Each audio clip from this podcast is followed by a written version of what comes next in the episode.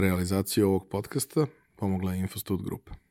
Poštovani slušalci i gledalci, dobrodošli u 60. epizodu Pojačalo podcasta. Ja sam vaš domaćin Ivan Milić. A danas u gostima imamo jedno uh, veoma, ovaj, uh, predstavnik jednog veoma zanimljivog kolektiva. U pitanju je Nenad Sićević uh, iz kreativne agencije Storyline.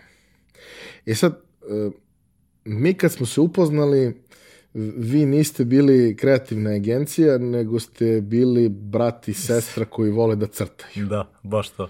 I osim što volite i umete. I to je onako bilo dosta dopadljivo.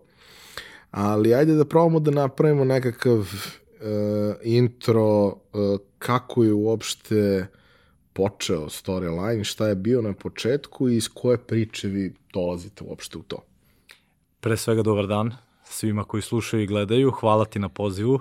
Ovaj, izuzetno nam je čast, nam je čast svima nama iz Storyline što smo imali priliku da ovaj, učestvujemo ovako u nekom skroz simpatičnom uh, projektu, konceptu koji mnogo znači nama preduzetnicima, to moram da kažem odmah na početku. Ovaj, što se storyline-a tiče, lepo si rekao, brat i sestra, krenulo vrlo jednostavno, vrlo onako naivno, baš kao što bi neko i pomislio brat i sestra, ono igranje iz detinstva. Ovaj, tako smo Jovana i ja krenuli sa crtanjem, to je bila naša igra iz detinstva. Kasnije je Jovana svoju karijeru oblikovala kroz arhitekturu i grafički dizajn i tražila svoj put tamo, dok sam ja otišao u menadžerske vode, jel, kako to ovaj, neretko bio ovde kod nas, u, u fotelju, završio ovaj, organizacione nauke i zaposlio se u marketinškoj agenciji, jednoj od većih marketinških agencija kod nas koja je specializowana za BTL aktivnosti. A, nakon toga je prosto to nekako slučajno sve naišlo vezano za, za nas i za početak storyline-a, gde smo mi uh, kroz neke naše priče i neke zajedničko vreme su skapirali kao što ne bi mi napravili nešto drugačije, ajde da se bavimo. Ovaj. U tom trenutku ja u agenciji kapiram da recimo konkretno pitch prezentacije i prezentacije koje treba da budu dopadljive na prvo uh, klijentima, potencijalnim investitorima u neke projekte i tako dalje, skapirao sam da uh, sve negde malte ne postalo šablon, uopšte se ne, ne dodaje na, na vizualnom značaju. U tom nekom periodu smo svi provalili šta je grafik recording, onaj lepi moment kada ljudi grafikama crtaju recimo uh, iza nečije prezentacije, hvataju ključne reči, ilustruju ih na, zanimljiva, na zanimljivi način. Recimo uh, naj, najvidljiviji primer toga kod nas koji ljudi možda znaju su oni ljudi iz uh, RS Animate-a koji su radili TED Talkove Da, čovjek da, priča to svoj jeste, tokal, da. iza, se, Tako iza čovjek je. rukom crta šta se tu u stvari dešava. Upravo, upravo to. Ovaj, I onda smo mi bukvalno, kao što sam i rekao, naivno krenuli u sve to kao, daj da mi probamo nešto da, da tu crtamo, da vidimo kako to može da se proda i to sve. Ovaj, proda u pozitivnom smislu, ne, ne misli sad kao lova do krova, nego bukvalno da, da bude značajna stvar. I tako smo mi krenuli paralelno sa svojim uh, poslovima da crtamo, da ubiramo neke, neke sitne projekte, neke prezentacije. Recimo u tom trenutku smo bili jedinstveni po tome što smo uh, bukvalno iz nule crtali prezentacije. Znači, bukvalno smo pravili nacrtane PowerPoint prezentacije, uh, to jest ilustrovali, skenirali, obrađivali i pakovali u, u PowerPoint, uh, gde taj efekat bio, ono što se kaže, iz ruke, baš, baš ovaj, prisutan. Uh, a, kroz sve to smo mi negde počeli da uviđamo da skrećemo pažnju ljudi na, na to, da je to lepo, da je to fino i onda smo odlučili da probamo kao neki side job da pokrenemo neku našu ideju, viziju, organizaciju i tako je nasto storyline, kao ovaj, mukotrpno razmišljanje mene i Jovane kako će ovaj, uh, da se zove ceo taj naš poduhvat, da je vezan za umetnost, eh, da je opet u to neke komercijalne svrhe, ali nekako onako eh, na drugačiji način, nekako fino, iskreno, više kreativno nego, nego komercijalno. Uh, I ovaj, iako mogu da budem potpuno iskren dok smo razmišljali o imenu i o svemu tome, uh, daj kombinaciju ove dve reči, one dve reči, art ovo, levo, desno, ono. I onda smo u jednom trenutku došli ovaj, uh, na ideju kao fan, zabavno i art. Pa smo onda shvatili da bi skraćenica toga značilo fart i onda smo praktično odustali od toga i nedugo zatim je nastala ovaj, nastao storyline jer smo skapirali da mi zapravo crtanjem kroz te linije ilustracije pričamo priče i onda je to zapravo bio potpuno logično ime, evo sad kad razmišljam iz ove perspektive tada, za, za to vreme, to je potpuno jedan kroz jedan ime koje opisuje to što mi radimo na, na pravi način. Naša krilatica je art in business, pošto to nam je, jel te, i, i, sušta svrha svega toga. A opet sa druge strane, trenutno razvijamo svoju neku priču gde nam je cela kao motivacija how a line became a story, to nam je kao neki, neki kreativni output za, za nas lično, jer smo skapirali da sa vremenom kako smo se razvijali i krenuli da radimo sve ozbiljnije, da smo negde zapostavili sebe i svoj ovaj, taj kreativni output, pa smo onda odlučili da pričamo svoju priču.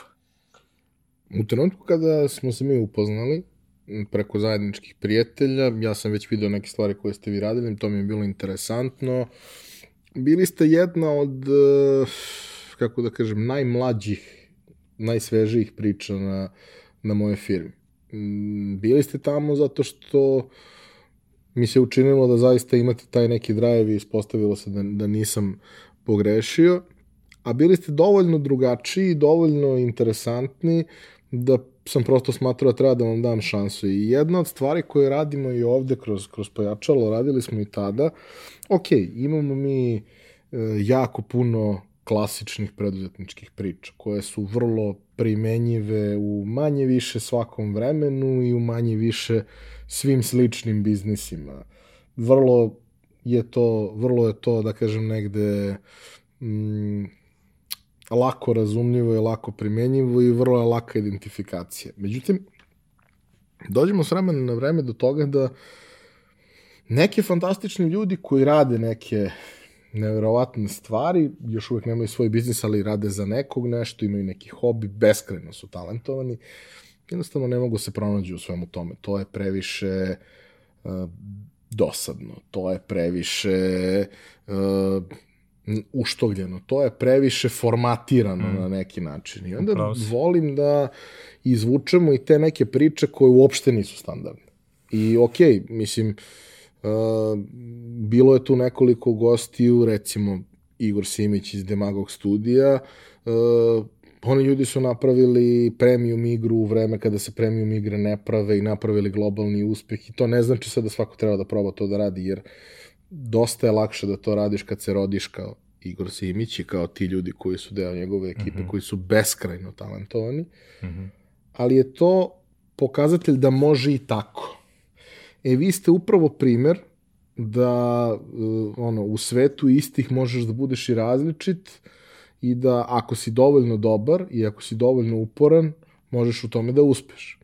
Jedna stvar koja je meni bila recimo jako važna, vi, vi ste ok, oboje ste krenuli to paralelno sa poslom. Jesmo, da. A, oboje ste to kao krenuli part time, pa ćemo da vidimo više hobi nego, nego nekakav ozbiljna, nekakva ozbiljna stvar, ali ono što, što je meni negde govorilo da to ima smisla je što smo seli, pričali smo i vi ni u jednom trenutku niste bili megalomani. Što u principu u marketingu kod nas i u kreativnoj industriji kod nas gotovo da ne postoji. Niko ne pokušava da razmišlja o tome da da razmišlja na zanatski način e, to je ono, vi ste mi se učinili kao, ono kad kažu umetnički zanati, e, to je to, samo možda u prvom trenutku malo više old school, a sada malo više digitalno, ali da. ono, duša celog projekta je negde ista. E sad, upravo to što, čega sam se sad otako, vi ste krenuli potpuno pen and paper. Bukvalno. bukvalno. I, mislim, to je bilo presimpatično, ako bi ga digitalizovali, digitalizovali ga tako što ga fotografišete ili skenirate. Da, tako je i bilo iz prve, da. Ali u suštini, mislim da je negde veoma značajna stvar za neku inicijalnu emocionalizaciju te priče, to što kao kad hoćeš da učiniš nešto zaista važnim, kad hoćeš da pokažeš nekom da ti je zaista stalo, današnje vreme jedan od vrlo jednostavnih načina je da napišeš nešto rukom. ili Da. da. mu pošalješ nešto rukom. Da ne uzmeš ono prvu neku kovertu ili čestitku, nego da se iscimaš, mm. napišeš rukom želju, Jest. potpišeš Jest. i pošalješ. To se uvek primeti. Ako to pritom uradiš na način na koji ste vi to radili, koji je zaista wow, to se primeti. Prvo, ta osoba koja je dobila to od nekog, to jako dobro zapamti i ta osoba kaže nešto lepo o tome, glas o tome se proširi, a imaš i situaciju da kao, hm, šta bi mogao da uradim? Pa imaju oni čudni ljudi što crtaju ono da. rukama, što je bilo jako interesantno, možda oni imaju neku ideju. Kako ste vi uopšte, da kažem, sa biznis strane to postavili? Mislim da je jedna od esencijalnih stvari vašeg uspeha bilo upravo to što, ok, brati i sestra ste, ali ste iz potpuno različitih Jest. backgrounda. Obično ljudi koji su umetnički orijentisani, nemaju nikakve menadžerske ili sales sposobnosti, ili su slučajno desi da imaju, pa je to jako lepo, ali u principu nemaju. Jeste. Sa druge strane, neko ko dolazi iz salesa, obično nema soft skill za tako mm. nešto, a nekako mi se čini da ste vi to baš lepo spakovali. E, volao bi da ispričaš kako Ne. je to sve izgledalo Hoću, ono iz rado. vašeg ugla. Rado, pošto ovaj, bukvalno si objasnio suštinu, sve, sve ovaj, stvari koje si argumentovao, sve činjenice koje si izrekao upravo jesu i važe i to je nešto što je nama dosta pomoglo u celoj stvari, jer um, slušao sam baš taj podcast sa, sa, sa Igorom i mi, ono, meni on ostavi utisak kao vrlo fascinantan jedan lik koji je imao celu tu priliku i iskoristio mogućnost da studira na Ivy League školama, što je meni bilo potpuno wow. Ovaj, e sad, iz našeg ugla, a, dobar spoj mene i Jovana je u tome što sam ja svoje iskustvo sticao upravo u agenciji, u radu sa ljudima, u razumevanju potreba klijenata, u nalaženju rešenja i ne znam, osmišljavanju raznih projekata. E, dok je Jovana usavršavala svoj skill u smislu grafičkog dizajna, kreative na taj način. I onda je nekako logičan sled bio da, da se nas dvoje uparimo u svemu tome. Neko bi možda rekao kao, evo, brat i sestra, kao nikad neće da izađe na dobro, familija, biznis, ne treba mešati levo-desno, ali mi smo nekako od starta uspeli da postavimo jasno uh, šta su čija zaduženja.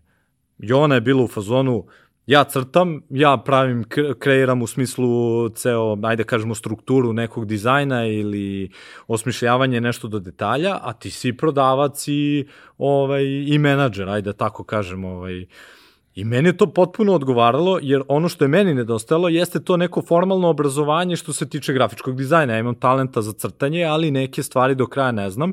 A opet Jovan je nedostajalo taj soft skills moment u uh, komunikaciji sa klijentima i to. I onda je nekako baš ta neka naša, ajde reći ću, simbioza nastala baš zbog toga što smo dolazili iz potpuno različitih perspektiva.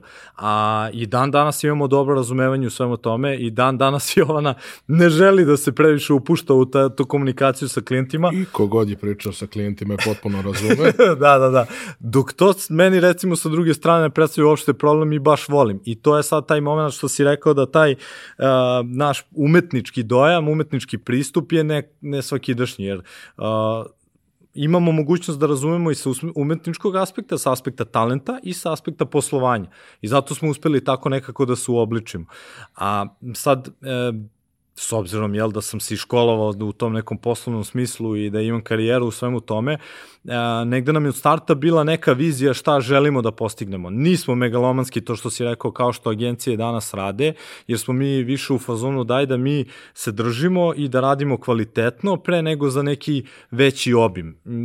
Gledao sam to više puta kroz, koju, kroz svoju karijeru kako su kiksnule neke razne agencije i jače i slabije i veće i, i, i manje, ajde da tako kažem, na, kada e, ne segmentiraju previše šta će da rade, nego prosto kao daj šta daš, daj radimo sve, daj ovo, daj ono. A, mi smo tu negde uspeli da se diverzifikujemo.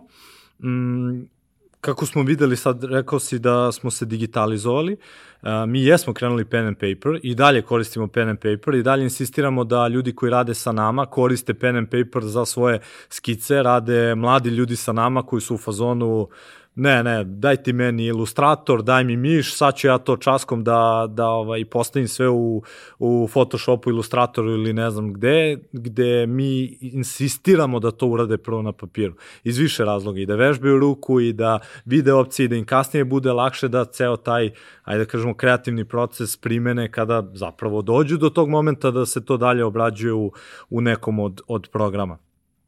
E sad, naš put je bio takav da smo mi krenuli pen and paper, to je bilo uh, jako zabavno, ali kako je rast obim posla, postalo je izuzetno teško i uh, ne, neću reći neodrživo, ali prosto je postalo baš, a, da kažemo, ono, trik i zeznuto u celoj priči, jer dođeš u situaciju da ti klijent traži izmenu, koju kad izanaliziraš, skapiraš da je potpuno na mestu. A ti, da bi tu jednu izmenu primenio, moraš ponovo da crtaš sve iz početka, gde smo mi bili u fazonu, ok, možemo, ali daj malo mi da se bolje pripremimo i onda nam je naišao jedan projekat za koji smo radili baš graphic recording uh, digitalno, uz pomoć uh, tablet uređaja za, za crtanje. Ovaj, iz prve smo bili onako baš znatiželjni svemu tome kao kako ćemo, šta ćemo, nikad nismo radili, nismo imali čak ni dovoljno vremena za vežbu, Međutim, to smo skapirali da nam ide izuzetno dobro i da je izuzetno korisna stvar i čak se desilo da nakon tog događaja da smo mi odmah kupili uređaj i krenuli da ga koristimo. To nas je mnogo ubrzalo, to nas je optimizovalo za, za te neke, da kažemo, ispravke, nije nas mrzalo, istraživali smo programe koji se koriste, šta su prednosti, nedostaci svih, kupovali programi i tako dalje, ovaj, da, bi, da bi bili mi što efikasniji, što ekspeditivniji, jer opet kažem, vraćam se na onu temu poznavanja tržišta i ljudi, i agencijske kulture i, i klijent kulture koja znamo svi kako je, vrlo izazovna, da. Divno. Ovaj, I onda smo skapirali da je to neki optimalni način da se mi automatizujemo i digitalizujemo u smislu da, da budemo fleksibilniji, a opet da zadržimo tu našu esenciju da sve ide ovaj iz ruke. I nama dizajn i dalje ide iz ruke, s tim što samo ide putem digitalne linije, a ne ove nacrtane. I ovaj, tu smo uspeli da se izborimo. A, cela priča brat i sestra izuzetno jedna lepa priča koja zahvaljujući tebi i tvom prepoznavanju ovaj našeg talenta kroz ovaj taj intervju koji smo radili kako smo se upoznali um, to je bilo nešto što je nas lansiralo, gde su ljudi hteli da rade sa nama, možda čak i više zbog toga što je topla priča brata i sestre koje niko nije imao da gura, da kaže, da namešta neki projekat i to, gde smo mi bukvalno do, do svakog projekta dolazili svojim radom i trudom. Ovaj, e, I bukvalno je bio taj, znači, logičan neki, neki sled naš da se da se digitalizujemo i izdignemo iz svega toga. E sad, došli smo na jedan moment gde to više ne pije vodu, gde ljudi traže od nas da, da rade sa nama, što je apsolutno pozitivno, da traže što više, pa ali možete ovo, ali možete i ovo, ali možete i ono, i onda smo mi rekli, ok, daj da sačekamo, da vidimo na kom smo mi nivou trenutno, šta je to što pored tog dizajna mi možemo još da pružimo ljudima, i onda smo skapirali, ok, možemo još to, to, to i to, Neke stvari su recimo kreiranje samih kampanja, uh, dizajn evenata, event management i to su sve naše iskustva koje smo mi imali na prethodnim poslovima gde smo rekli zašto bi se odrekli prosto nekog posla koji će biti isto tako dinamičan, jedinstven i potpuno naš, samo malo drugačije upakovan. I smo tako krenuli da, da, da rastemo i da, da se malo odvajamo od te priče samo papira, papira i olovke, pa smo postali dosta više. Ali cela ta simbolika brata i sestra nas i dalje prati.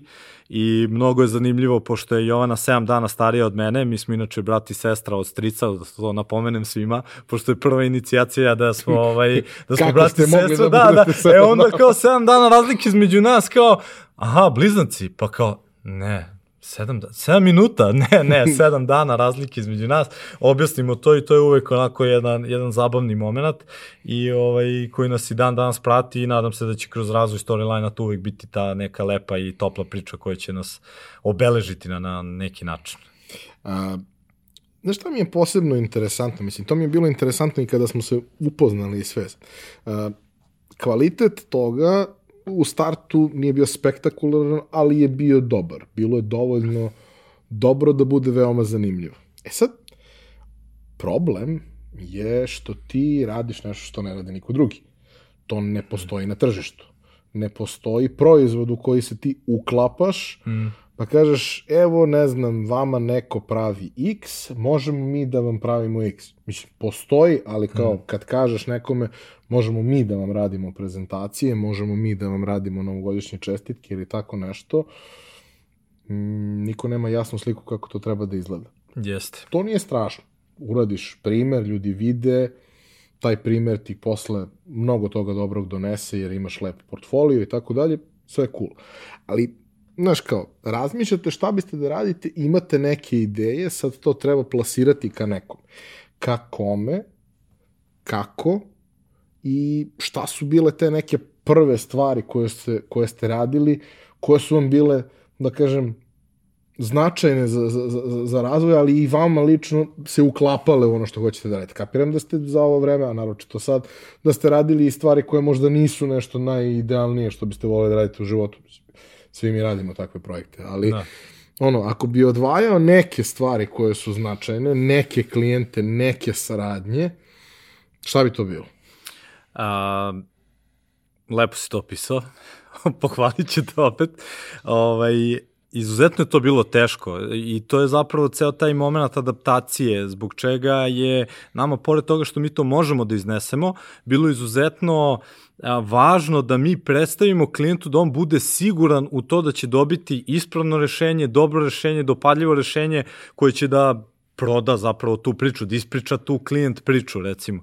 Ovaj, onako, pošto dosta je bilo izazovno za nas, jer smo baš jedinstveni povodom toga, kao što si sam rekao, e, kako mi sad da, da se otisnemo od crtanja, da kažemo da smo ipak više od toga, da nismo samo jedan hobi koji, koji ovaj, par ljudi koji crta, da je to sad organizacija koja ima klijente, koja ima ugovore sa klijentima, koja radi neke značajne stvari.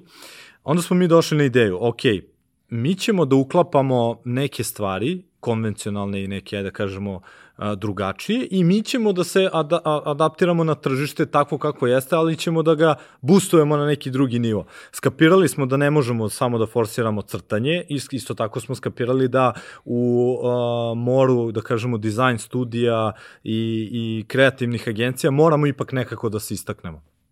To je bilo teško jako. Ovaj nama je to i dalje to crtanje i ono za ono što je za nas bilo izuzetno značajno jeste ta jedna uh, employer branding kampanja koju smo radili za naše klijenta ovaj, uh, za kompaniju Deleze, jel u redu da ih, da ih spomenem? Da, nisam znao kako. Ovaj, e, sa kojima inače imamo ugovor, imamo izuzetno lepu saradnju, radimo već dugo. Ovaj, imali smo tu varijantu da smo mi na neki potpuno drugačiji način predstavili znači, jednog retailera, najvećeg retailera kod nas u zemlji, ovaj, na, na taj neki način. Mi smo organizovali celu potpuno art direkciju, pri tome da su uh, ljudi koje smo mi fotkali, od kojih smo koje smo koristili za kreiranje tih nekih vizualnih identiteta za tu kampanju, mi smo rekli, ajde da to bude drugačije, ajde da mi napravimo takvu priču da ti ljudi deluju kao da rade nešto sa svojim rukama, kao da recimo, ne znam, primer žongliranja, kao da osoba žonglira sa nekim stvarima, ali ona neće zapravo da žonglira, nego ćemo mi da je ufotkamo i da obradimo tu fotografiju a, sa njenim praznim rukama, ali da deluje kao da ima nešto, pa ćemo mi da ukrasimo to, da dodamo elemente, da iscrtamo to sve i, ovaj, i to je ispalo kao jedan pun pogodak, bilo je izuzetno nama zanimljivo, bilo je izuzetno zanimljivo tim ljudima koje smo koristili, smo koristili realno zaposlene. E sad ono što je značajno u svemu tome jeste taj odnos sa klijentom gde klijent kapira tvoju kreativu i tvoju, tvoj taj neki kreativni output koji želiš da, da implementiraš u taj projekat. A, I onda ti daje odrešene ruke do tog nekog momenta dokle god je to moguće. Sad nama je izuzetno jasno da je takvih klijenata malo i da nije uvek... Ja nisam, ovaj, nisam čuo mi, za slučaje. Mi smo, ali... mi smo imali tu sreću stvarno da, da, da tako ubodemo, ajde da kažemo, naravno bilo je prilagođavanje i sa naše i sa njihove strane, bukvalno smo išli do te granice da to bude potpuno drugačije, opet da bude upakovano u jednu zdravu, lepu korpo priču ovaj, i da ono praktično ispoštuje sve standarde koje je potrebno da ispoštuje ovaj i mislim da smo uspeli u tome i mislim da smo time skrenuli dosta pažnje na sebe. Upoznali smo tu strukturu employer brandinga kroz najvećeg privatnog poslodavca u zemlji i onda smo krenuli i delom da se više usmeravamo na te uh, HR kampanje da tako kažem pošto jel u moru marketinških agencija koje su danas već korporacije koje broje i po stotine zaposlenih mi smo skapirali ok mi ne možemo sa njima da se da se bijemo uzročno ovaj rečeno kao konkurenti, ali možemo da napadnemo neke druge sfere. I negde smo mi uvideli da kroz HR će možda čak da se smanji broj ljudi u marketing strukturi nekog velikog klijenta na par osoba koje neće direktno producirati neka rešenja, nego će imati inicijative i bit će zapravo koordinator između više nekih agencija koje će raditi kreativu, produkciju, nabavku, ne znam ni ja šta, i da će to suštinski da se marketing korporacije svede na, na tako nešto, a da će HR dosta preuzeti na sebe. Uh, I mislim da smo donekle bili u pravu sa, sa tim i da HR sve više preuzima na sebe neke marketinške aktivnosti, čak i u pogledu samog, same kadrovske službe kada se organizuju razni događaji i tako smo mi organizovali neke događaje, meetupe i ne znam ja šta sve, ovaj, baš zbog toga što oni sad imaju taj kreativni output da žele da animiraju ljude, da ljudi budu zadovoljni, da ljudi se trude da ostanu ovaj, u korporaciji, da ne odu negde dalje. I to su otprilike neke stvari koje su nas krenule da usmeravaju i da od nas prave pravu kreativnu agenciju. E sad, nije nas mrzalo, hteli smo da ostanemo dosledni sebi i stvarima koje radimo i onda i dalje radimo, uh, ako se sećaš, ono oslikavanje na, na keramici, po tome smo vrlo jedinstveni, uh, našli smo jedan odličan output za, za našu kreativnost, uzeli smo da crtamo patike. I to je neka stvar koju radimo, kastamizacija, ovaj, obuće, ilustrujemo razne stvari i, i to nam je onako nešto što se kaže ovaj ide od usta do usta da da da konkretno osoba uzme to nešto u ruku i kad kad uzme vidi zapravo tu kreativnost.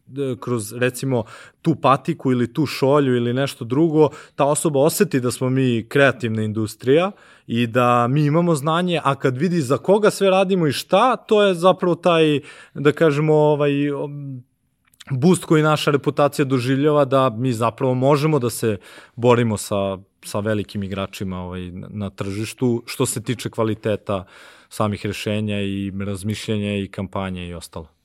Mislim da ste možda imali malo sreću, ako pričamo o, o employer brandingu, ovaj, da posebno, ok, u IT industriji je jasno da postoji potražnja 5 naprema 1 u odnosu mm -hmm. na stanje kadrova, Ali sad smo došli do toga da gotovo u svim industrijama, a vi imate sreću da radite za jednog od najvećih poslodavaca, da kažem, stranih firmi koje su ovde najveći Tako poslodavac, je.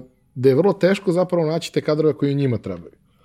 Ne, nema više tih ljudi. Ti ljudi su mahom otišli u Nemačku ili se prekvalifikovali za nešto drugo i tu je borba mnogo veća i tu je mnogo više potrebno istaći se uh, yes. nego što je to bio slučaj pre pet godina kad je prosto toga bilo u izobilju, pa si mogo da, da, da biraš. Da, Sada da. više zaista moraš da uložiš maksimalni napor i značajna sredstva da bi zapravo našao te ljude koji, koji su ono što ti treba, a da bi ipak imao nekakav, nekakvu mogućnost izbora, a ne da moraš da zaposliš svakog ko ti se prijavi, jer da, da, to da. je najbolje čemu možeš da se nadaš. Mislim da je to negde bilo, bilo veoma značajno, ali to je e, kampanja i priča i klijent e, zbog koga ste vi porasli.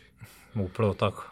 Ali nije to bio razlog zašto ste vi krenuli uopšte ovaj, da od nečega što je hobi pređete u nešto što je full time. Zašto ste to uradili? Zašto, kako je bilo doneti te odluke? Mislim da je ta odluka možda najznačajnija odluka i najteža odluka koju ste napravili. Volao bi da znam yeah. šta je iza toga. Evo, probat ću da, da objasnim to ovaj, e, na, na ovaj način. Kada posmatramo tržište Srbije, ajde da kažemo, polazimo od toga. I kad kažem Srbija, mislim, nažalost, u 95% je to Beograd, ma, i više od 95%. Sve se dešava ovde.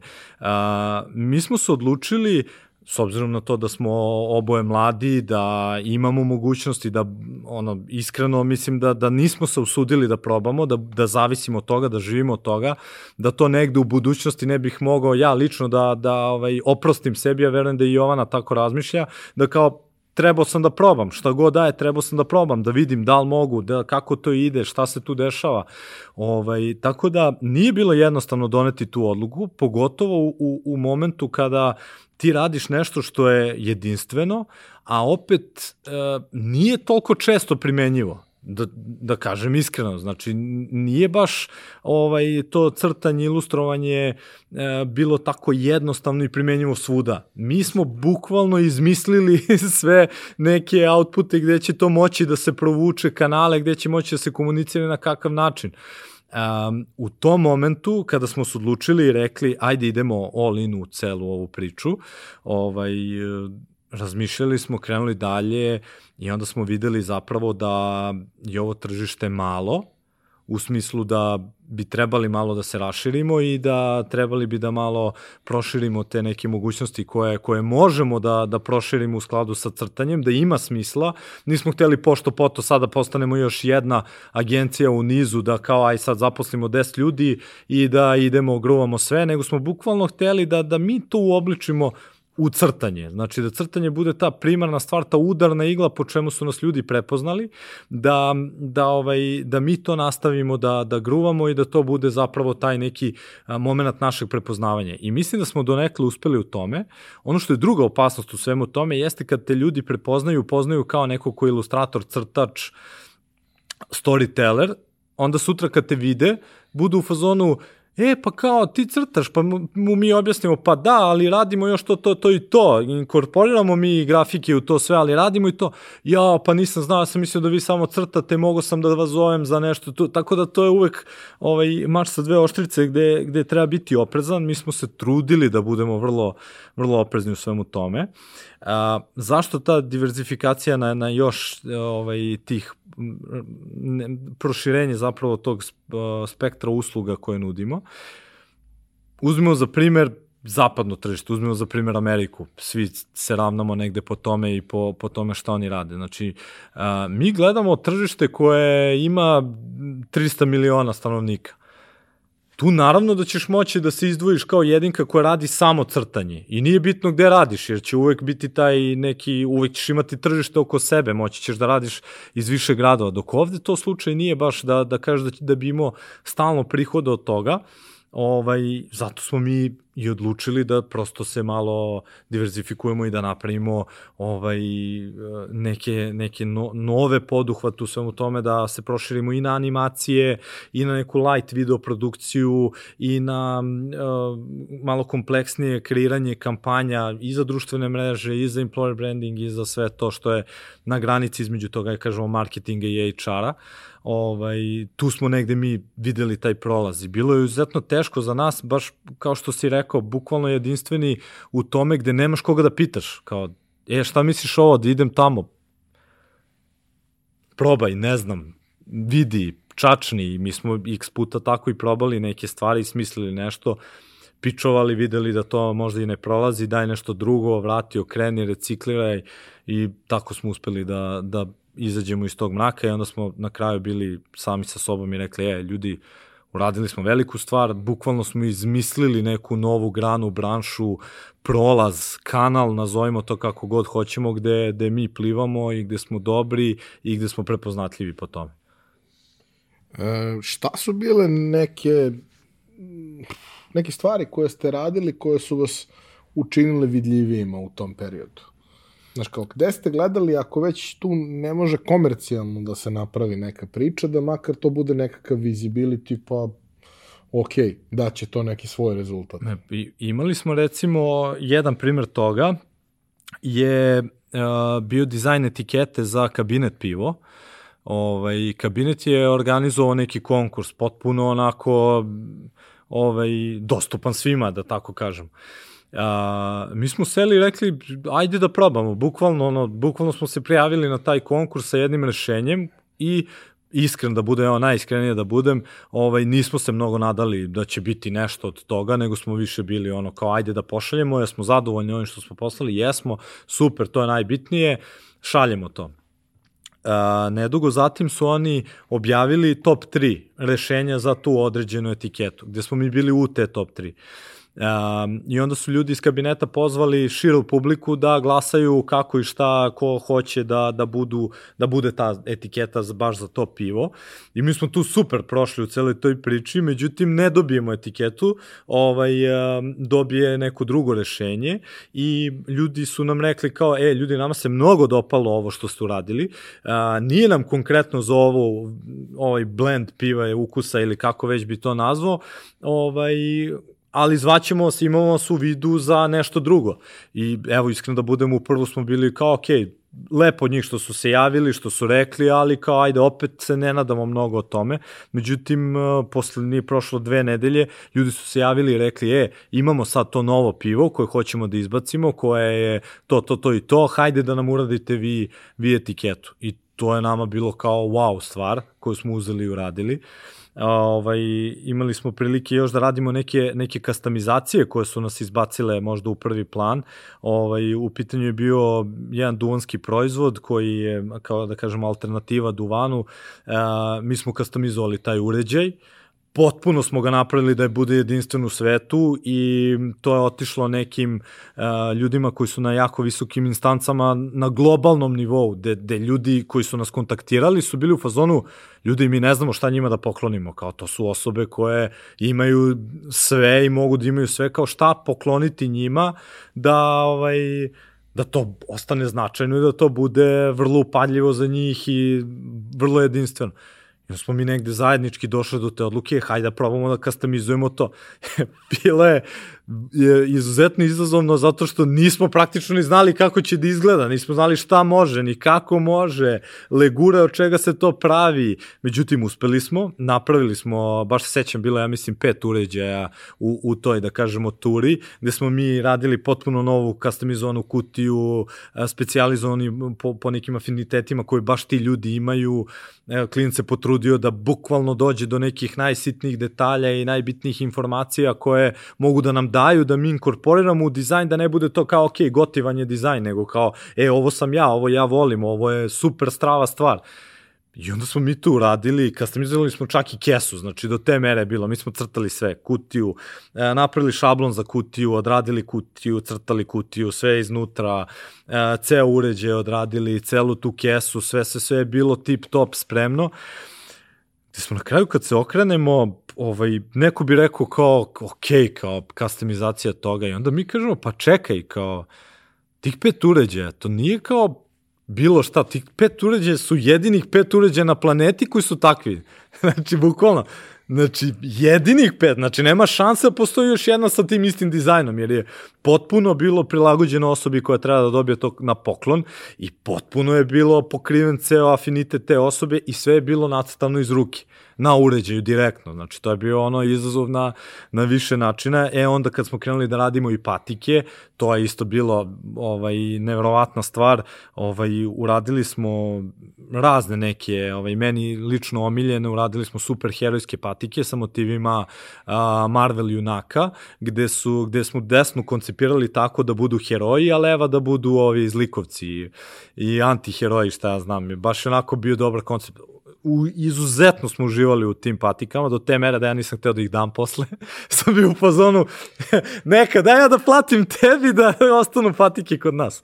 Ovaj, I onda, znaš, kad pogledaš tako, kad uzmeš nešto u ruku što si napravio tog tipa, iskapiraš, kažeš, pa čoveče, kao ovo je jedina stvar na ovoj planeti da izgleda ovako. Ok, radi ljudi kastamizacije patika, rade superheroje, sigurno postoje još jedne koji imaju te motive, ali ne na taj način i to je nama bilo izuzetno wow i ljudi to cene i mi taj neki moment baš kroz te neke da kažemo kastamizacije ti predstavljamo našu kreativnost da, da mi prosto kad se uhvatimo da ti radimo bilo da je to neka dosadna kampanja ili nešto drugo mi ćemo tu kreativnost koja je jedna u ono, ne znam koliko nas ima milijardi sad na, na planeti, da je to ta jedna jedina. I mi ćemo se truditi da tvoj dizajn koji isporučimo događaj, koji organizujemo, animaciju koju snimimo, video koju uradimo, da bude potpuno taj jedinstven, da sadrži tu našu čar po čemu smo mi prepoznatljivi.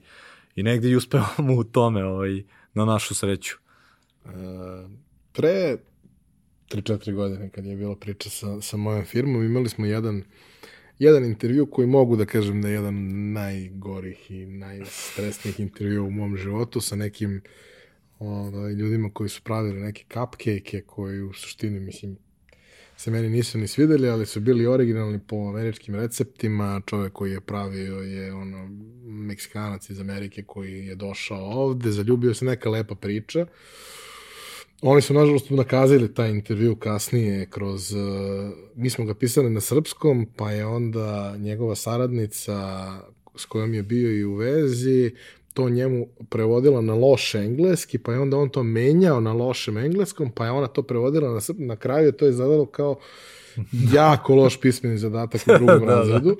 Ali ono što je meni tu bilo fantastično, uh, deprimirajuće, baš sam to dobro formulisao, fantastično deprimirajuće, uh, je bila činjenica da u toj njihovoj priči je bilo dosta duše, znaš.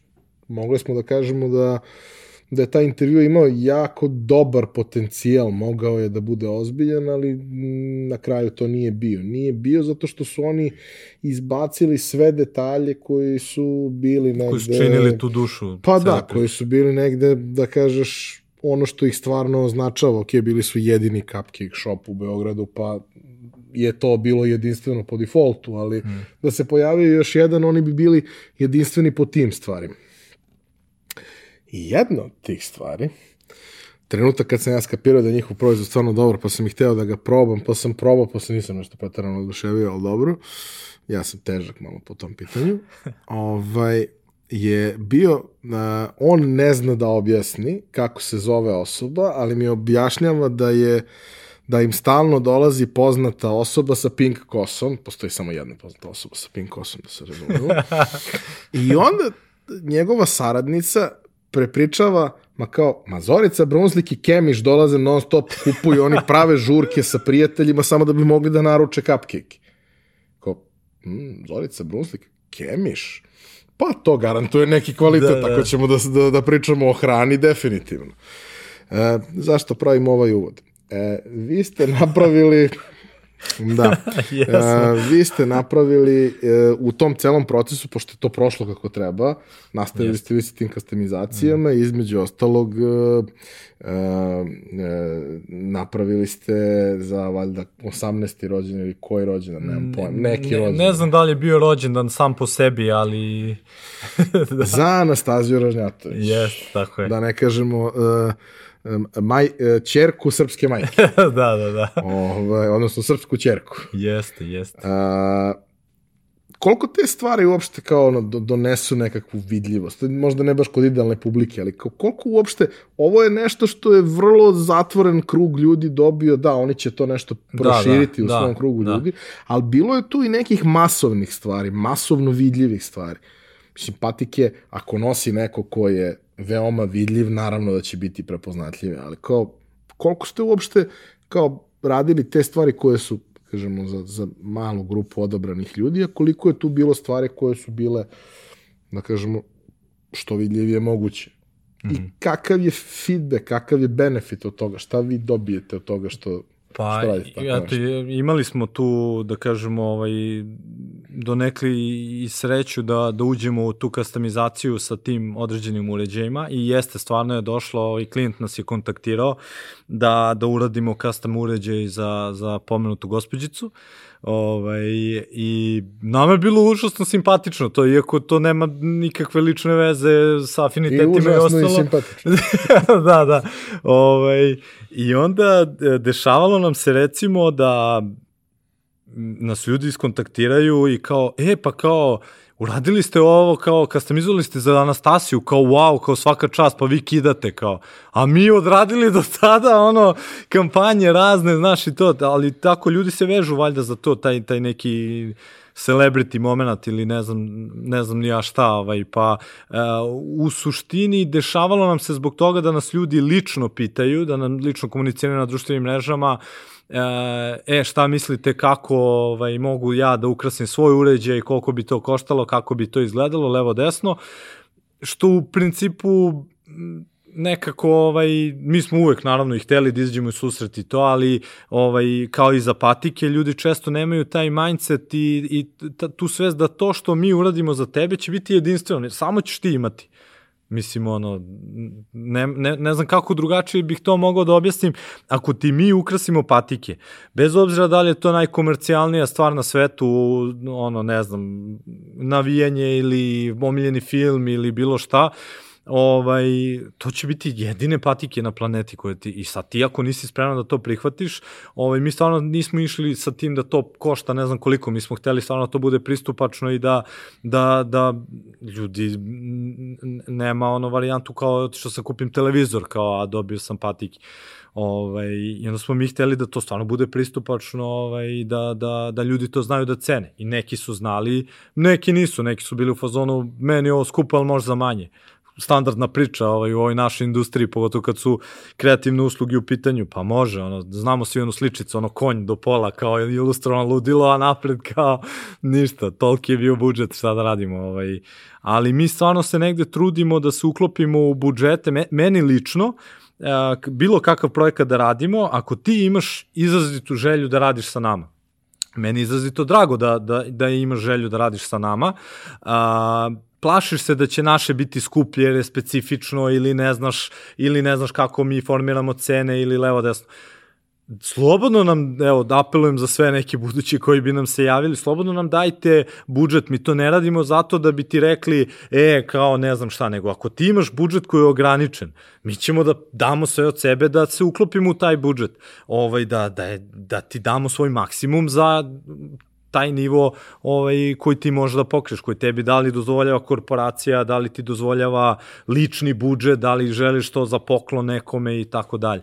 Probaćete zajedno da dođete do toga šta je najbolje što može da se dobije Jeste, za taj novac. Upravo to, čak smo i bili uh, toliko ovaj, uh, preduzimljivi da pomognemo ljudima da lupam ako hoće da im ilustrujemo patike, ja uhvatio sam se za te patike, da i mi kažemo gledajte te patike, ove su nam se dobro pokazale, ove nisu, gledajte ovu boju, ovu ne, bolje platno, koža, eko koža ili tako nešto, stvarno smo se trudili da ljudima maksimalno izađemo u susret za sve to, da im objasnimo svaki detalj ovaj, tog našeg kreativnog procesa kako ide i da ne treba da brinu.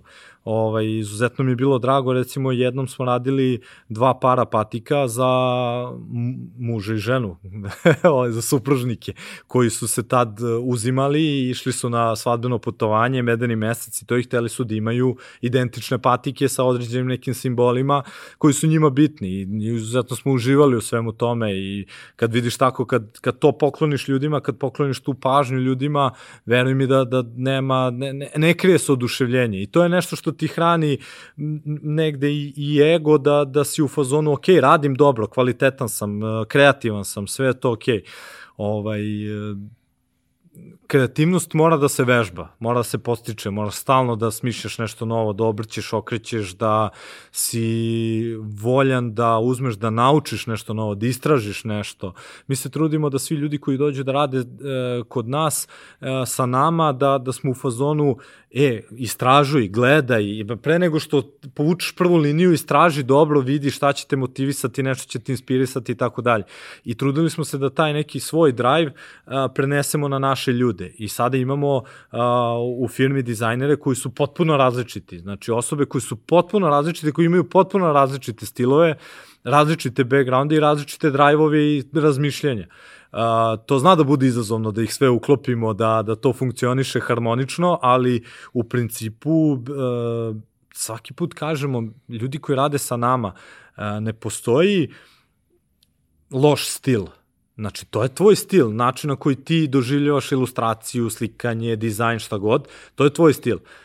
Mi ne želimo da imamo još trojicu takvih kao što si ti. Ja ne želim da imam troje još ilustratora koji crtaju isto kao ja. Jer mi treba različitost da bi mogli da pravimo različite neke kompozicije, različiti pristup. I onda to stvarno pokušavamo da, da prenesemo na te ljude i da negde znamo koliko je važno da doživiš neku organizaciju kao svoju. Stvarno se trudimo da im predstavimo storyline kao mesto, e, ne kao Jovana i Nenad šefovi, nego Jovana i Nenad naši saradnici, mentori i osobe osobe od kojih mo možemo dosta da naučimo i mi stvarno se, ovaj, stvarno kažem to najiskrenije da kad god ima mogućnost da naučimo od nekoga, bilo da on nema možda iskustva koliko ja imam, ali sigurno da uvek postoji neki put, neki način, neki kanal gde ja mogu nešto da prisvojim i da naučim i da posle primenim na svoj način za neku drugu stvar. I stvarno se trudimo da, da svi koji dođu kod nas da imaju taj drive, da imaju taj kreativni moment, da ih ne gušimo previše sa nekim suvoparnim e, zadacima koji imamo,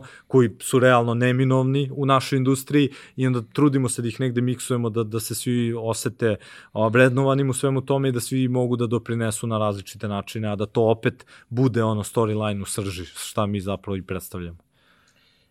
Ja moram da te zamolim da ispričaš priču. Samo sam čekao, rado ću da ispričam. Zašto, zašto hoću da ispričaš? Zato što mi je jako interesantno kako je došlo do toga. Da. I e, inače priča o tome kako su e, on i sestra putovali jedno određeno nešto duže vreme autobusom u Nemačku da bi završili neki posao, a onda se takođe vraćali autobusom iz Nemačke. Jeste. Šta je priča?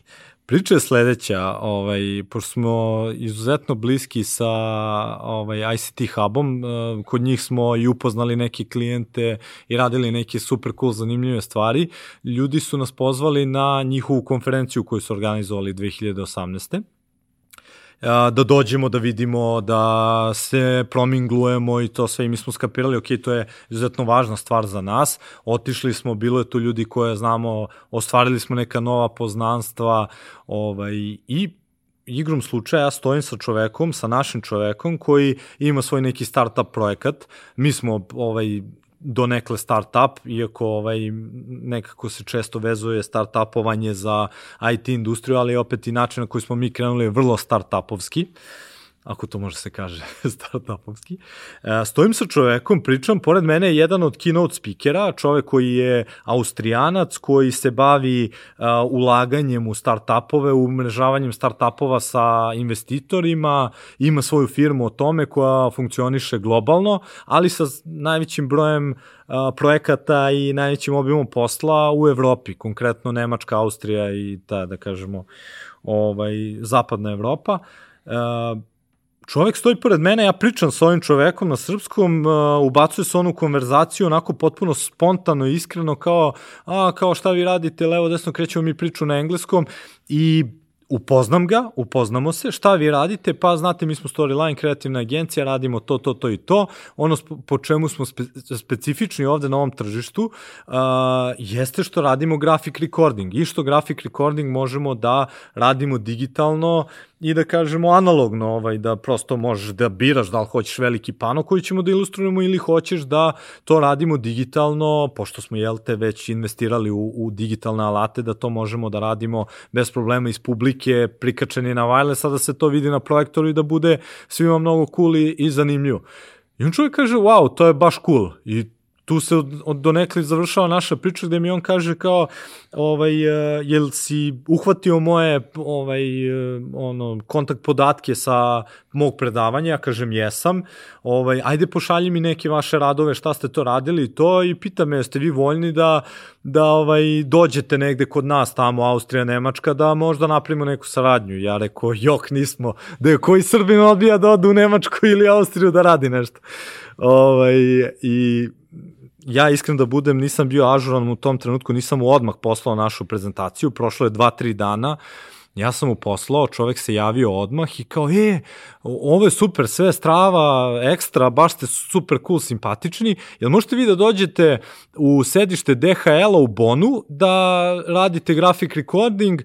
Ja sad kao, super može, strava, ludilo, kao, ovaj, hoćemo, dolazimo, nema problema, šta treba da se radi, pa kao šest startupova pičuje svoje ideje investitorima i ja hoću kao ispred svoje kompanije da im poklonim uh, graphic recording, pošto smo mi naravno ovaj, to sve digitalizovali u smislu da možda dobiš i timelapse video i prilagođen format za društvene mreže i tako dalje, kao neki follow-up svega toga ovaj, dođite da, da, da im to napravimo. Kao, to je kao poklon moj, iznenađenje moje firme, znači nije budžetirano ni na stranu bilo kog projekta, to je lično moj kao poklon tim ljudima, jer je izuzetno značajno to što su oni radili tih šest projekata koje imaju.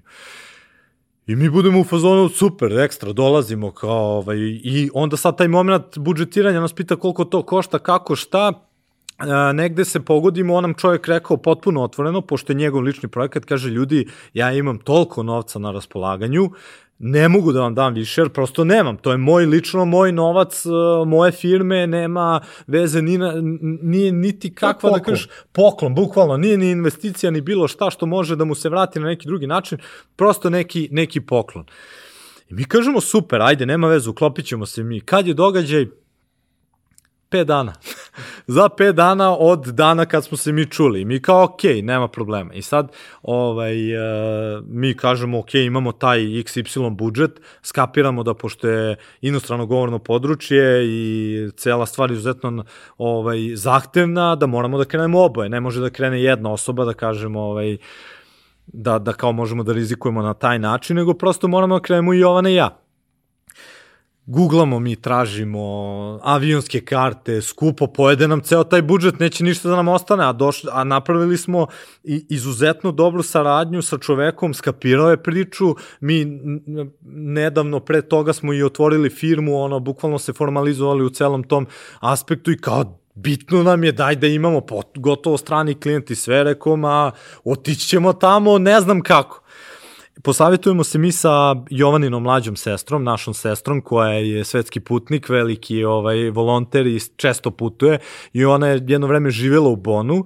i kaže evo ok, možete ovako, ja ću da vam dam predlog da vi e, iznajmite stan u Kelnu, pošto je Bon i Keln su jako blizu jedan drugog uzmite stan u Kelnu, a, bit će vam jeftinije, a imate dobru liniju voza koju vas direktno vodi u taj neki biznis deo Bona, gde je zapravo sedište DHL-a. I kao to vam je možda konkretnija priča. I mi kao super, i nađemo mi booking, hvala Bogu, sve nađemo rezervišemo, super, strava nije skupo, levo, desno, i kao sad vidimo čoveče kako ćemo da odemo. Mi smo rezervisali, da, da kao i sad kako te neke letove što smo gledali levo, desno, i kaže nam sestra kao ljudi, najbolja varijanta vam je autobus, kao, i mi kao, ma daj bre, koji je autobus, kao šta ti je, pa kakav je to autobus, šta gde, kako, mi kao pali s Marsa, bukvalno. Na kaže, pa kao, nećete naći jeftinije karte, jer je kratak period, ne možete da, da, da ono, kao pre-booking, ne znam ja šta uradite, da bi dobili na, na ceni, ako hoćete da vam najveći iznos novca ostane, u smislu taj, kao, ajde kažemo, najveći deo zarade, morate da krenete busom. I mi kao, ajde, šta ćemo, gledali buseve, jedini bus koji smo mogli da uhvatimo, e, vožnja traje 24 sata, to je linija Beograd, šta sam ti beše rekao kad smo se videli, da mislim Dizeldorf, da je to najdalja destinacija tamo, ali usput staje u Novi Sad, u Suboticu, u ovo selo, ono selo, kroz Mađarsku, kroz Austriju, kroz staje svaki čas. Ovaj, mi smo došli tamo, skapirali smo da će ta vožnja trajati 24 sata, što je izuzetno značajno za ovu našu priču, gde mi krećemo um, i shvatamo da ćemo mi stići veče pre, to je dan pre samog događaja. I onda praktično smo bukirali veče pre događaja i veče kad nam je događaj, jer smo rano ujutru tog, ajde da kažemo, samo dođe treći dan, jel od kad mi stižemo ovaj, ovaj, u, u, na, na lokaciju u Nemačku, da mi moramo krenemo nazad istim tim busom 24 sata. I sad iz prve, tako kad se osvrnemo, pričamo kao, pa dobro, bre, ljudi, kao, nije strašno šta putujemo, ovo, ono, kao, brzo ćemo. Mi ne kapiramo i dalje da je to 408 sati vezano samo za autobus, samo puta, znači, mi smo praktično za neki posao koji je nama trajao dva sata investirali šest dana u taj posao, ono, bukvalno dok smo otišli vamo tamo. Ali ono što je bilo najviše specifično jeste da autobus kreće sa autobuske stanice naše ovde Beogradske, gde e, su tu upravo oni ranije pomenuti ljudi koji su otišli u Nemačku sa koje kakvim poslovima čuvanja odraslih, dece, e, rada na građevini i ne znam ja kakvih još poslova, gde mi se nalazimo u toj nekoj grupaciji ljudi koje su nama onako baš, baš specifični u tom trenutku, jer nismo imali prilike pre da se susretnemo sa takvom, ovaj, takvim opisom ljudi, da je to teme za tih 24 sata su isključivo gde ti živiš, koga ti čuvaš i kako ja da dođem kod tebe ako je tebi bolje ili kako ti da dođeš kod mene ako je meni bolje. Pritom si sve vreme u autobusu sa tim ljudima, da je to ono bio opšti, opšti onako haos, neki ovaj pozitivni, gde smo videli razno razne ovaj, ljude. Pomenuo sam ti kad smo pričali ovu priču da mi je najveći utisak ostavio jedan stariji gospodin ovaj, sa svojih 70 godina koji je krenuo put Meinheima, jednog uh, grada tu relativno blizu, ja mislim Frankfurta i Minhena, tako nešto između, koji je svoj pasoš nosio u koverti od um, od računa za struju, onaj, jel, Epsov klasičan korat, ili je možda bio infostan, nisam siguran, ali znam da je imalo prozorčić i da je to bilo, ovaj, tako da je izuzetno jedno zanimljivo putešestvije gde je nama sestra napisala, pošto bus staje na aerodromu, koji je podjednako udaljen između Kelna i, i Bona, e, napisala nam je bukvalno kao da smo ono, prvi razred osnovne škole. Idete ovuda, tu, kupujete kartu, kupujete kartu tu, e, hvatate voz tamo, vodite računa, tu su vozovi koji se račvaju, ono, tipa ubodeš vagon, on to odvede u Dizeldorf, ono, bukvalno, ovaj, high-tech tehnologija za razliku od naše, ovaj, železnice. Ovaj, mi sedamo u, u voz, I sad već smo ono u fazonu super, stigli smo, 24 sata Golgote, granice, ludila, pretresi, policije na ovim onim prelazima, stigli smo konačno, bravo, svaka čast, sedamo u voz, voz ne kreće jedno pola sata i mi sad kao fazonu šta se dešava? Sve, hvala Bogu, spiker na nemačkom, svi na nemačkom, se ljudi oko tebe pričaju nemački mi nemamo pojma šta se dešava, a sestra nam izričito rekla taj voz vas vodi tamo da vi treba da idete. Nemojte ulaziti u druge vozove, nećemo znati de, nećete znati gde ćete završiti. Dok na kraju nije ušla neka žena koja je sa ovih prostora, ko smo mi pitali šta se dešava, na kraju se ispostavilo da su neki momci ušli u neki tunel da crtaju neke grafite i to je kao prvo neko kašnjenje tog tipa od 73. godine, tipa tak. I gde smo mi u fazonu, ok, 24 sata smo put putovali, još smo sad ovde sedeli, ono, sat i po vremena, još, ono, već smo mrtvi, ono, bukvalno.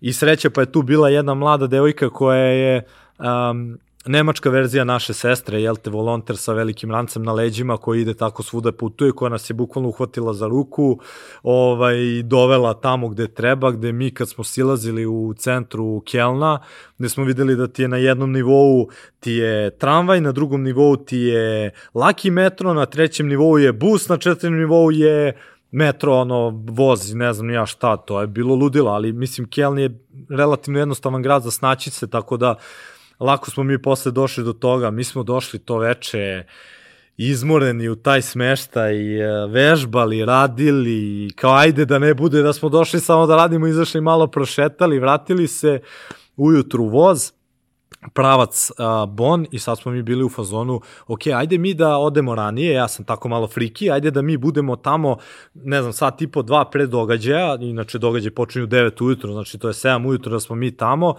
ovaj, ajde popićemo mi negde kafu u nekom kafiću, proćemo mi sve te neke ključne aspekte, u, u obličit ćemo priču, jer e, ljudima nije mnogo poznato, graphic recording e, zahteva jako velike pripreme za, za rad, jer dinamično je, moraš da, da držiš priključak sa, sa svim što se dešava i mora se zabeleži, prosto imaš određeni broj minuta od 5 do 10 uglavnom, gde treba da ilustruješ neki poster, da ga obojiš, da stvarno bude full pričica jedna mi dolazimo tamo, ništa živo ne radi.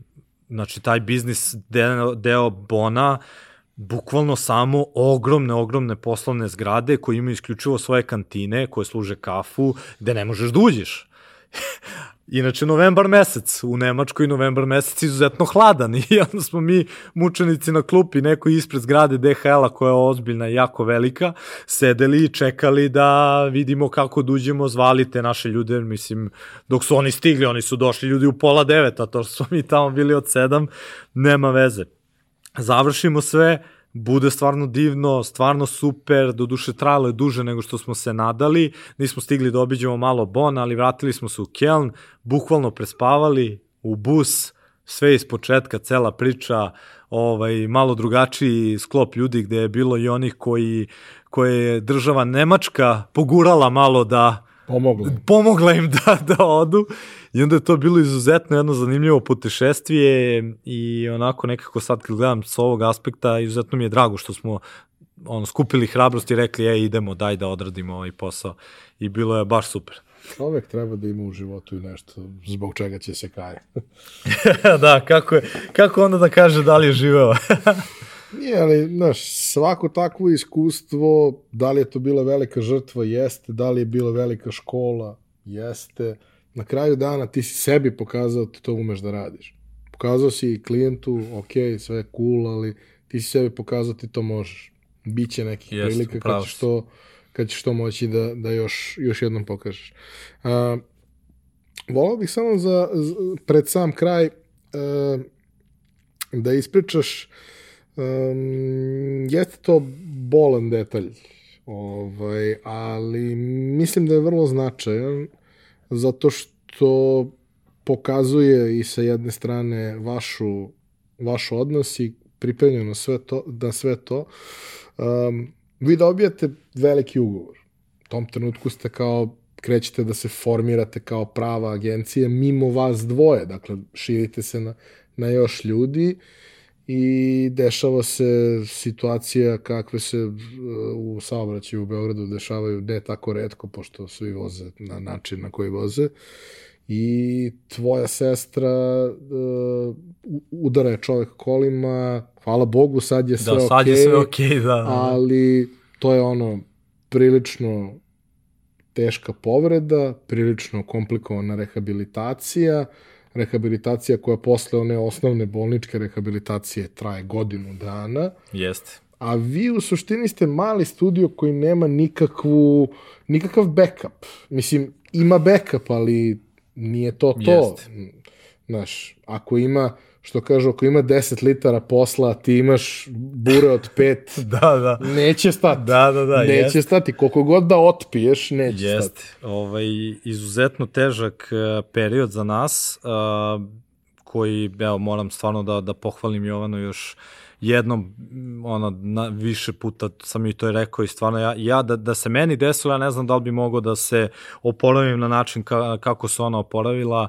Uh, ona je sve to vreme bila izuzetno pozitivna, izuzetno vedrog duha, trudila se da drži priključak sa firmom, iako sam se ja negde trudio da je ne opterećujem nekim stvarima, opet negde sam i želeo da, da budu uključen u to, čisto bi skrenulo misli sa toga šta joj se dešavalo, ona je bukvalno ovaj, e, tražila da joj donesem laptop, doneli smo joj laptop, radila je bukvalno koliko je mogla, jer, jer je htela, naravno, nije, nije to bila sad, što ti kažeš, ovaj, bilo je zeznuto izuzetno, ali e, nisam ja želeo ni u kom trenutku da nju opteretim kao sad, e, moraš da radiš, nema ko, nego prosto je ona želela to da radi i baš svaki je čast na tome, mnogo je doprinala u tom periodu, baš ono, bez obzira na te neviđene okolnosti koje su nam se desile, ovaj, e, ona je bila sve vreme uključena u to, e, mi u tom trenutku baš krećemo uzlazno, Znači, evo sad će, nedavno je bilo godinu dana od tog nemilog događaja, mi krećemo uzlazno, dobijamo već pozive na pičeve, imamo neke ustaljene saradnje i sad dolazimo u jednu situaciju koja je onako sa strateškog aspekta izuzetno teška. Sada kažeš, nismo u tom trenutku bili toliko stabilni da kažeš da možemo sada da zaposlimo ovaj, petoro ljudi koji će da, da preuzme sav posao šta se dešava, jer jer prosto nije, nije bilo mogućnosti u tom trenutku. Opet, sa druge strane, na, mislim, ne smeš da dozvoliš da tako nešto, ovaj, ako se već trudimo da, da napravimo neku zdravu priču i to sve baš u tom presudnom trenutku koji nam je tad bio baš, baš ono, jak, ovaj, Ne smete da ne, ne smeš da ispustiš, ne smeš da odustaneš. I onda smo preuzeli oboje sve odgovornosti, naravno koliko smo mogli, koliko je Jovana mogla, koliko sam ja uspevao. Um, uspeli smo to da prebrodimo i uspeli smo zato što smo se držali zajedno i dalje u svemu tome. Ovaj, uh, uspeli smo recimo da napravimo, dobili smo poziv za neki pitch koji smo imali jako kratak period da uradimo. Bukvalno smo ga radili 5 dana kod Jovane kući, ono, zajedno, pritom uh, da bi dao na važnosti celoj priči koliko je zapravo bila teška, jeste ta što te neke tehničke stvari koje, tiču, koje se tiču naše core biznisa, to je taj dizajn, um, bolje poznaje i više doprinosi Jovana za razliku od ove druge, druge strane. Znači ja i sve mogućnosti koje imam i znanje koje imam i tehničke sposobnosti i talenta, opet nije to to dok ona ne, ne da svoj ono final magic touch ili kako god da nazovem. Ovaj, I onda smo mi uspeli u tom periodu, baš ono, dosta smo radili, uh, bili smo ono konstantno zajedno i sve to, uspeli smo na kraju da dobijemo taj pitch, ovaj, koji smo ilustrovali izuzetno zanimljivo. I, išli smo sa tom pričom da smo kao dve figure, da kažeš, u, u nekom board gameu, gde kako prolazimo kroz polja, izločimo određene kao pitanja i to su nam zapravo projektni zadaci i šanse kao neke i ostalo, gde smo mi predstavili sebe kao two player tim, gde smo stavili za mene, ne znam, ono, ovaj, šta je bilo, fa, um, snage, my strengths, je bilo, ne znam, ono, kreativa, ne znam šta, i onda kao Jovanin strength je bio stronger than a car, kao, pošto je imala, jel, to i sve prošlo, i onda to, svi se to, tome nasmeju, mislim, sreća, pa sad možemo da se, da se smejemo tome, jer je ona, hvala Bogu, se oporavila i, i sad funkcioniše sve kako treba, tako da ovaj, taj period je bio za nas izuzetno težak i mnogo sam ponosan a, na, na oboje što smo uspeli to da prebrodimo, što smo posle toga, ona, ona je ne, baš, baš brzo uspela da se e, da kažemo da, da stane na noge i da, da, da krene da doprinosi na, na mnogo višem nivou, tad smo zapošljavali prve ljude kod nas ovaj, i onda je to baš bilo, ono, baš njen uticaj u svemu tome bio izuzetno značajan i eto, hvala još jednom na, na hrabrosti.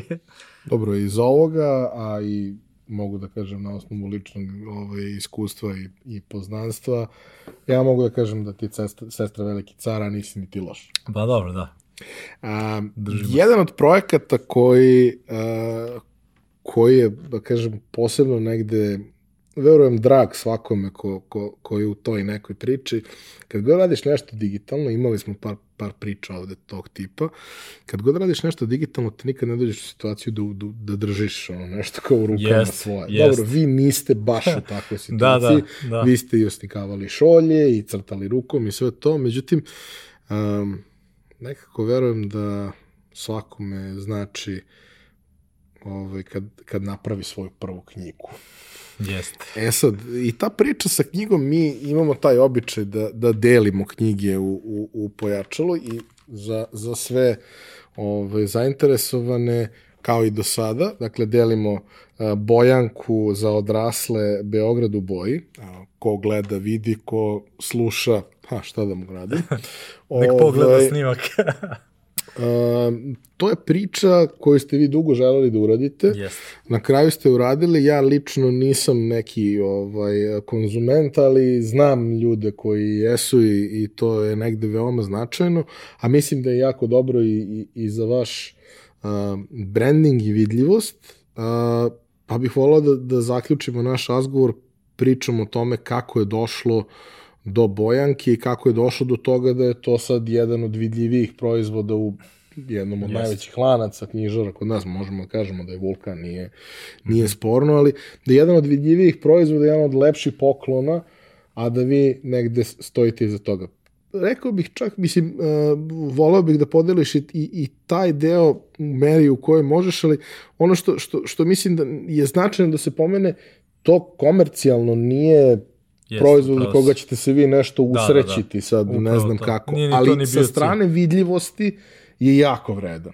Da. Kako je došlo do toga? A, došlo je do toga iz perioda, bukvalno neposredno, pošto smo mi jel, dali otkaze u svojim firmama i krenuli da radimo, i onda smo bukvalno stavili na papir, ok, ajde šta možemo da uradimo ono što je najbolje za nas, od čega možemo da napravimo neki pametan korak za dalje i da ovu priču stvarno ozbiljimo na određeni način. E, prvo što smo uradili jeste da smo prepoznali da ljudi vole poklone i od tu da su krenule šolje kao jel, neki, neki vid ovaj poklona, da to bude taj isto, opet ne, ne ni sa strane da kao zaradimo ne znam koliko od toga, ali opet da, da ti to dobiješ, da dobiješ jedinstven poklon ovaj, da, da, da to koristiš u, u svakodnevnu upotrebi, da li si pio čaj ili kafu ili si jeo parče torte sa tacne, nije bitno, ali u principu je to nešto što je tvoje i što će ti skrenuti pažnju da tamo postoje negde neki ljudi koji, koji su mislili na to i koji su a, to uradili za tebe.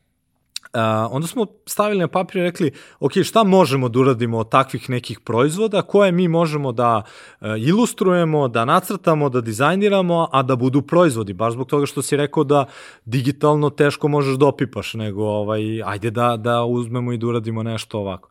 Smo mi došli na ideju što ne bi ovaj, uradili Bojanku za odrasle, ta ideja je naišla vrlo jednostavno kroz uh, traženje poklona za neke nama dragi ljude gde smo videli da sve bojanke za odrasle se sastoje od onih mandala koje su izuzetno detaljne, do te mere da kada otvoriš budeš u fazonu, ma idi, ko će ovo da boji. Smo mi bili u fazonu... Znam neke dokone ljude. da, da.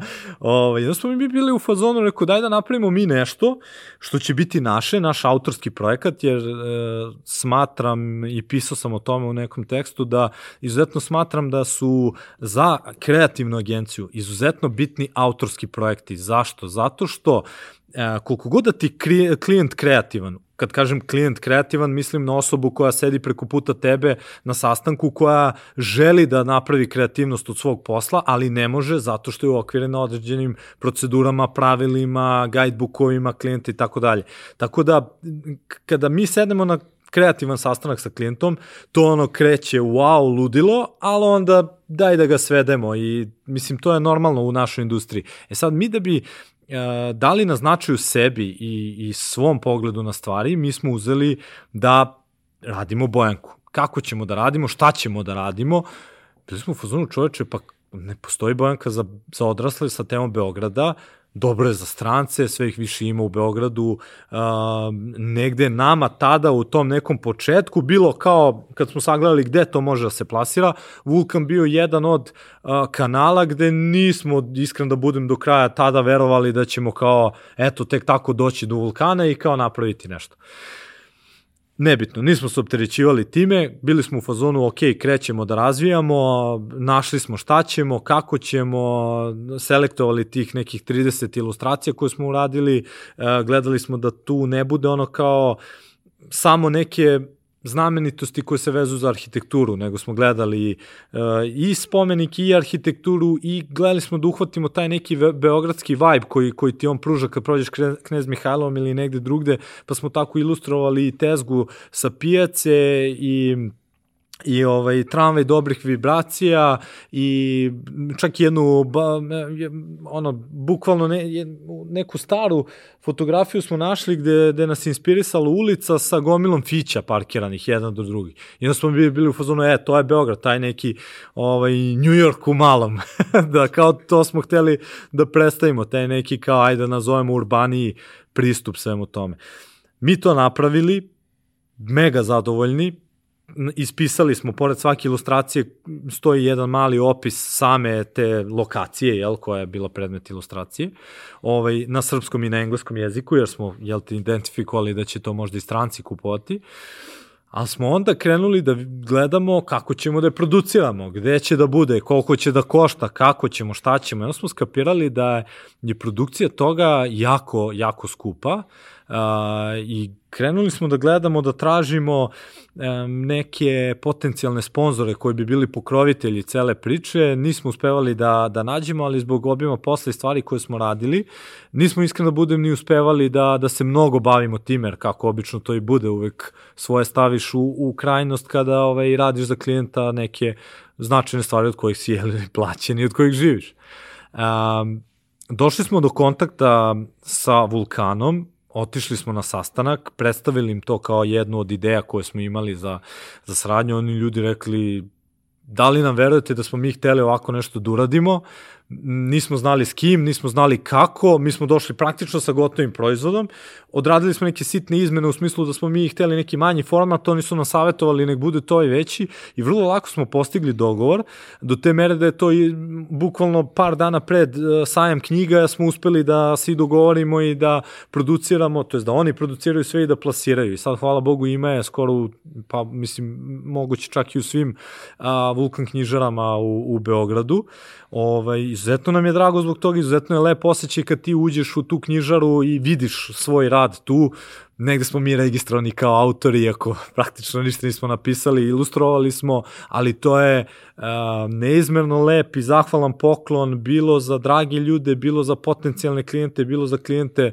uh, sa kojima imamo sjajan odnos i sve nekako je to sad taj neki opipljivi moment uh, kreativnosti koju, koju možeš da, da, da uzmeš u ruke, da prelistaš, da obojiš, da možda pokloniš nekom dalje. Izuzetno je lep osjećaj, izuzetno nam je drago što smo uspeli da izguramo taj projekat i nadamo se da će to biti samo jedan u nizu ovaj, projekata ovaj, koje smo realizovali, naših, da kažem, autorskih. E, samo bih se još nadovezao na tu priču da uh, uopšte nije bila poenta novca. Znači, apsolutno nam nije bilo motiv da zaradimo novac u te bojanke ni u kom trenutku, jer bi, više nam je bila bitna ta vidljivost, da kažemo, e, mi smo ovo uradili. Ne veruješ nas. Da bude urađeno na pravi da, način. Da, da, da. I da onda to donese Onako svoje. kako mi osjećamo, jer malo pre sam pominjao, koliko god da su ti klijenti kreativni i hoće da urade, uvek se to svede na kraju na neko kompromisno rešenje između tebe kao autora, kreativca, dizajnera, šta god i klijenta sa druge strane kao, jel te, uh, krajnji korisnika toga svega i dalje posle ovaj, poznavanje potrošača ili zapravo kome se to plasira. Ali kad ti uzmeš ovako nešto koje si ti bez uh, ustručavanja uradio, bukvalno, znači, uradili smo ga kako smo mi želeli da to izgleda. Izgleda baš onako kako smo mi zamislili Uh, mi smo odradili domaći, gledali kome će biti dopadljivo, analizirali ljude, pažljivo strukturirali svaku ilustraciju da ima dovoljno detalja, da bude vrlo detaljna opet sa druge strane, da te ne smori u zdravu pamet, ono da treba bojiš tamo ono mesec dana i to ovaj, baš smo sagledali sve aspekte i baš smo zadovoljni kako je to na kraju ispalo. Pa i ja sam zadovoljan i drago mi je kad neko od mojih prijatelja ima knjigu jer mnogo je lepo kad čovjek ima knjigu. Da, da, da, jeste. jer to je jedna od stvari sa bucket lista koju, jeste, koju jeste. svako treba da čekira ko ima pretenzije ka tome, naravno. Da. Hvala ti što si bio. Hvala tebi na pozivu. A, nadam se da će lepa priča koju pravite još rasti i da nećete morati praviti mnogo kompromise, da ćete raditi stvari koje, koje zaista želite. I mi se nadamo. A, kao što sam rekao, ko želi jedan od tri primerka, neka ostavi komentar na YouTube-u i izvlačit ćemo pre izlaska naredne epizode. Dužan sam da vam kažem i da je realizaciju ove epizode pomogla Infostud grupa i hvala im puno na tome. Kao i do sada, molim vas da sve svoje komentare, ideje, predloge, sugestije ostavite na, na društvenim mrežama ili nam pišete, jer to je jedini način da, da budemo još bolji Još jednom, hvala što si bio. I, hvala i tebi. A mi se vidimo i čujemo sledeće srede. Veliki pozdrav od mene. Ćao svima.